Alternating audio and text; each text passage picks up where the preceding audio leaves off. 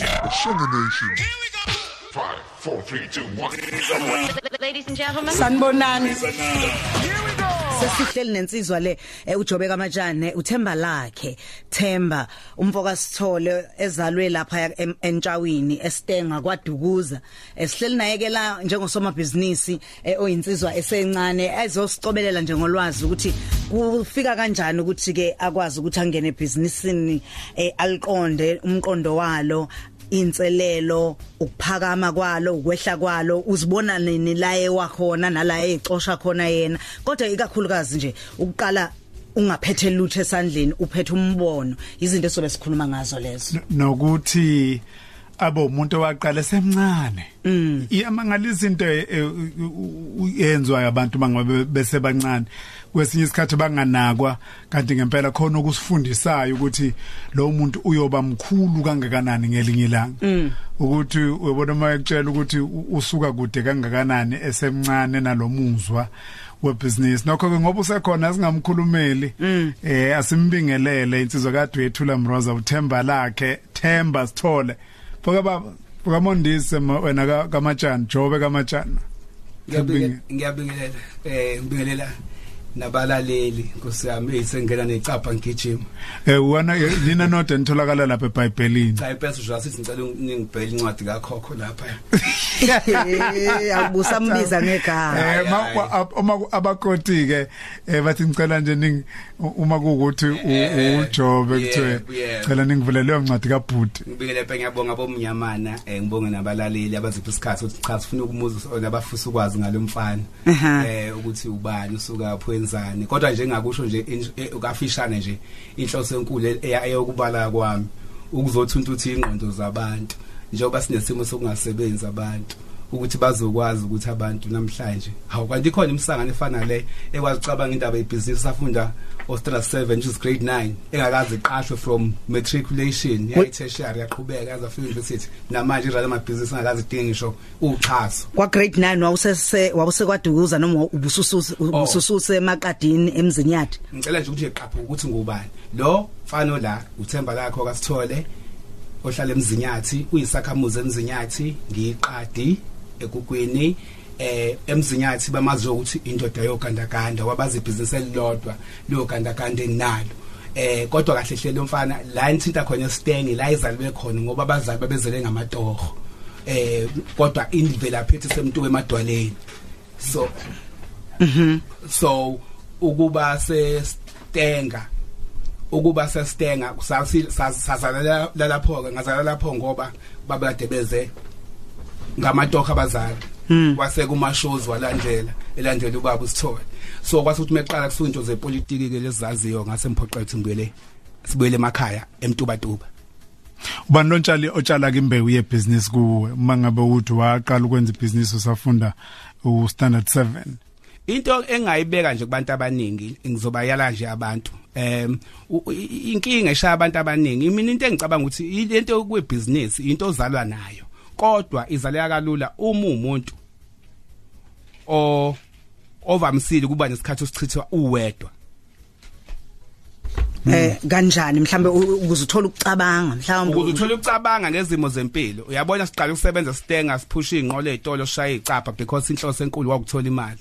So isikhathi esiningi sichitha ngengedwa ngibona usho ukuthi mina ngosebenza impilo yami yonke nokubuka abazali isimo sempilo ukuthi awathi umzali mesebenza imhleze ekhala ukuthi imali ayikho. Ngase ngithi hayi ndo ngeke mina ngiyilapho mina ngifanele ngibe umuntu ozoqala ukuyisebenza ngoba into engenza ngaqala ibhizinisi sesisukile emntu estenga nxa izimo ze ze politics sesiye emakhaya emtuba tuba emadwaleni safisa gawule imo bashaya imanoni insizwe ziyazi. Ngase ngibuthi hey lento ihamba hamba ibuye iphela ngase mina no mina ngidinga ukuvula ibhizinisi. Umqondo ko- webhizinisi unegaba ezu4 1 identify ukubona isikhala 2 ukuplana 3 ukumaintainer eh ya. Then mina ngabuka isikhala sokuthi lento yegawula umoba ibuye iphele ngingabe ngisaba na imali ethi keep me going during unyaka. Oh uma kusavalwa imshini kusavalwa amaphayini. Ngava namaphayini phela ngazi kahle ngiuhlahlile umoba ya. Angishayini manje ngathi mina ngeke akwengithenga umshini ngahambe ngosebenza hardware ngayiphushi ngayisebenzela ema hardware ngayithenga esiqulile simenda sengiqoqa imali ngathenga umshini wokuchumbuza indlebe. Ngoba wangekho umuntu ochumbuza indlebe. Ayi ngalesi sikhathi kungena isitayela sok- sok- sokuchambuza lesikhathi ngesikhathi sokuchambuza wonke umuntu wesilisa nesifazane. Kodwa mina ngangigxile kakhulu einganeni wangagcina lapho futhi ngaphinda ngaqala ibhizinisi ngathenga ngasikhathi sangena amagolide. Abantu befaka amagolide emazinyeni bewahleze bewaklina ngamabrass kodwa beze substance emnandi. Zulu boy. Awangawafaka mina. Ya ubafakela kuphi surgery thizeni ngizethekwini mina ngifike ngithenga izinto zokusebenza ukuze ngiyiphilise lapha emakhaya emntube emadwaleni bese ngiyirana le yanto emakhaya emadwaleni bese ngiba ibhoza ube umfana unemali yakhe. Akekho umuntu emadwaleni wayengacobezela emlonyeni?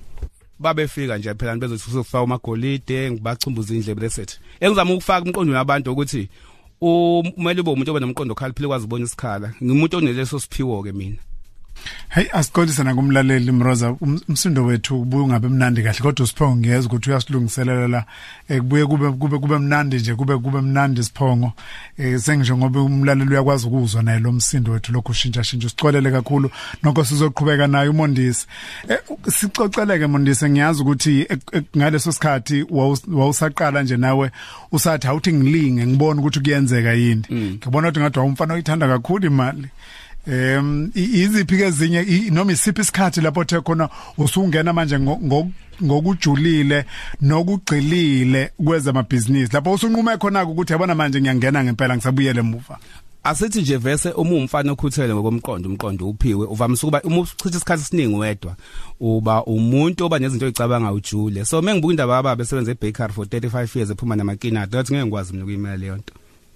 So into engizama ukuyifundisa abantu leyo ukuthi musu kuba umuntu onomqondo ochitha isikhathi esiningi nento eyodwa engakubuyiseli.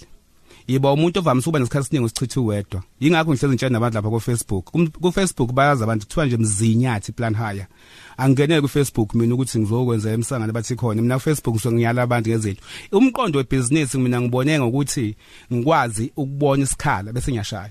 Ngoba yena ngibonile ukuthi le ndaba yokuqashwa uyudoti lento kahle hle ukuqashwa kahle hle. Uma uwumuntu osabayo ukuthatha irisk uyohleza usebenzele omunye umuntu impilo yakho yonke.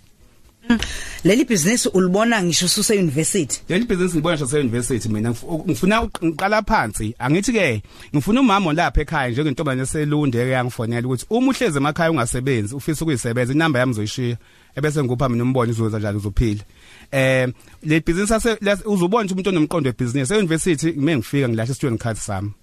Euniversity mina ngiyise mina ubaba noma bezo sengifile lapha euniversity. Uma ngifika euniversity ngisafunda ngibuka mina kade ngibheka ukuthi yini engenza ngiba euniversity ingoba sifuna ini imali. Hayi uzoba uba umqashwa. Ingakho ngayizwa hle indaba abantu abagqoka amajazi beshaya itotoyi. Chaza ukuthi nyani ngamahashi benifundela ukuba uthisha kuphela. Mina ngifike euniversity ngahlala khona. Ngabona ukuthi lento izongichitha isikhathi lo 7 years. Ngase ngithi ngenza njani? No. Ngalahla student card sami ngabuza ukuthi leli plastic encane kangaka indaba libizo 20 rand nxe 50 rand sibangakhe siba 20000 bathi bona yes. Ngathi mina 20000 multiply by 20 50 rand. Ngabona ibusiness mina ngathi bani yiphi inkampani supply leli card ngaphuma ngathola ama details ecompany yase German senze partnership ngabajethi ngiyeza next year soqala ibusiness icard engikhuluma ngalo student card ngabe Edgar's card jet card technical card into engiyazi ngijule ngayo. As much as abantu bazi ukuthi umuntu wasithola emzinyathu nogandaganda into engiyifunde ngajula ngayo. In um- isikhathi sebusiness manje ngifuna ukuba i- i- ngiyaxolisa kakhulu ngoba nakho kungayisikhathi sibe sizoba sincane kodwa ngifisa ubuye ngibuye uma ngithi mina umqondo webusiness phumani lemqondo ukuthi ibusiness isilwane esikhulu eh, ngokwazi ukuze kusisusa eh eh, kufanele- uyazi uyazi indaba yami la ekuthenini ufika ulahla student card usubona ukuthi hey sekufuna ngikhiphe u20 rand. U-50 Eh, eh, rand. u50 rand sibanga kule university. Yes. Seliqhamuka lapha ibusiness lama Qhamuka- lama student card. Ngaliqala yes. Ngaliqala it's, it's called Howard College. It's the, which means mina university ngiphumanga ne degree ngiphume ne Howard PVC card specialist company e e- supply ama student labo PC training besaqaza ngokulenza lama ngixolisa uku advertise lama college nyana amancane besaqala. Ngavesane ngaqala ngawa supply ngoba ayina lokho kuthiwa laminated laminated card. Wena njalo u- umfundi ngala? Cha sengishilo phela imfundo university lo ngayishiya phansi. Etrathi izongichitha isikhathi lento ayina guarantee lethu ukuthi after 7 years ngizoqashwa. Oh ufika lapho uzofunda law Yeah ngiyabona lento phela phela besibonga babe siphasa njengezihlanya thina. Ukuthi manje ngiyabona lento ngichitha lento ayinayo guarantee ukuthi ngizoqashwa nokuthi ngizohola malini. Right now ngihleze ngitshela abantu mina uma uhola 67000 to 12000 ebese uyiphathe sokwesicebi phansi kwabantu abanga uba nenkonzo yokuphakama phansi abantu abangasebenzi isiphukuphuku okay mana eh si- si- si- silihoxise lelo. Eh eh silihoxise lelo gama eh, eh, Ngiyalihoxisa. silo- ya siyalihoxisa lelo aliphume ku cause no SABC ngibona ngibona ngibona kunyakaza omunye ujobe lapha usibofo khona sizoya kuba impela eh inkunzi malanga siphethe inkunzi malanga eh inkunzi ngakubo njengamanje i- imaphi amabhizinisi ongasibelela wona nje se- okuwona nokungasitshela ukuthi cha ngawaqala kunzima ngoba ngikhona ukuthi kwabalula nakuwona. Akwenze kanjena ngizobala nje into ezincane khona umuntu olalela lapha umsakaze ekhaya ngixolisele ligama lethu siphupho ukuthi bayacasula ukuthi kuyangicika mina ubona into ebenenkonzo zokuphakama azayo esontweni awumemeza glory to Jesus ngegama Jesu Okay. engiphumelele asisuke lapho lelelani bakwethu asifundeni uncenga impilo. Asifundeni uncenga impilo bakwethu sincengisana impilo singaphili impilo yamanga. Uma usakhokhela imoto iloni ukhokhela i-andi loan makoto umlobola ngeloni yonke into ngeloni musu uqamba manje ukuthi ubless asisuke lapho. Amabhizinisi amancane ngifuna ukusiza ngabantu bakithi abalaleli lapha emakhaya. Ukuthi yiphi into ongakwazi ukuyenza wena usemakhaya engadingi ukuthi uzinqamule ikhanda uyenze? Mina sengike ngayenza engasebenza. Uma uphumela uye la e-workshop uzofica abantu abashuthi izithombe la e-workshop. Lethiwa i-same time photo printing machine. Ngike ngaba nalo mshini ngenze quotation yakhona. Le yanto ngeke uqede u4000 but mase uyithathe le yanto uhambe es- kuthiwa kunoma scan event kugcwela amaqhawe eni ufike ume lapho ngiyakutshela ukuthi ungabuya ne1000 ngosuku. Uthi isithombe sakho 20 rand. Okay. Asiqhubeke sithi uma udinga ngizama ukusho ukuthi awudingi Michael uma ufuna ukuba nes- ngikhuluma business amancane uma ufuna ukuba nesnooker isnooker awudingi usithenga uze run business. Isnooker just need ukuthi wenze indawo ezosebenzela kuyona etha ngase tavern lapho baningi abantu abanama snooker aba own about 20 bazosithatha besilethe kweni inyanga imipheni hlukanise 50 50 awudingi ukuthi uthenge snooker ufuna ukudlula futhi. I-truck emasihlabathi nesihlabathi lenkulu o 10 meter awudingi ukuthi uzothenga i-truck uzube nesibhizinisi. Kulabo sebewathengile ama-truck mekucathi kudlalwa ngabacindezele cha khohlwane fanele fanele ufunde ukushuluka. I-truck mina ngihambe ngayo emfuleni ngabuza ukuthi lapha malini kukhishwa kwehlabathi emfuleni? Malini udinga utra- umnikazi we-truck labantu aba- labantu abenza ama-tent mina ngiwenze ama-tent igama lethi tende usomathuba lawo malini it- i- i- idinga umuntu we-truck. Malini ukusuka la emfuleni ngiyala emphathini wasemzinyathi namaphephetha ngoba ngikhuluma nabantu base South Africa as a whole umuntu local engathinteke emoyeni. Ngathola ukuthi ho lo we truck engangezela amalodi awu5 ngemali ethize. Eh. Lapha emfuleni u500 rand times 5 umnikazi we truck u500 rand times 5 ama customer ami as umuntu ofunde wajula ngosonzo umhlabathi ngozowakhokhisa imali encane u1.5 ngase ngiwabala amalodi awu5 1.5 multiplied by 5 ngathola ukuthi mina ngizokwazi ukuthi wenze 2000 without diesel no driver and stress maintenance. Nawe uhlanga semfuleni ikhona imfuna kuzana emfuleni. Okay. Nokulungile mfethu em si- si- sinikeze imininingwane lapha abantu abangakwazi ukuthi bakuthole khona. Inyaxo sakho isikhathi sibe sincane bakwethu. Eh ngizoyishiya nje imininingwane yami ukuze abantu abafuna uqanjo zamabhizinisi nazo bezazi ningixolele ukuthi ngumuntu ongakwazi lokho enginceka kakhulu kwesinye isikhathi ngoba kanjani? Eh ngibe mfisa ukupha nje abantu isiyalo esincane nje ngaphambi ukuthi ngishiye imininingwane yami. Mina angichasani ngeimali emabhizinisini. Mina ngizokupha imbono ezokwazi ukukusiza ukuthi wena ungacabanga ukuthi ibhizinisi into enzima. Ngiphethe ngisho kwasemakhaya u- ugoma inkomo ngiphethe nasani into ephathekayo. Ongakwazi nawe usemakhaya lapho uyiqala. Mina ngisho ngantshela ukuthi no600 rand ngitshela uphathe umuntu eThekwini akuthele imishini yokuchumbuza indlebe uhambe uqonje ngamanesi akuthele nomuntu okugcobisa indlebe ukuthi ingane ingabhibhi. Uhambe uyihlala eclinic uz- lizosuka ikade eziko baningi. Inamba inamba yami ithi 076 36 38 401 social media? Social media.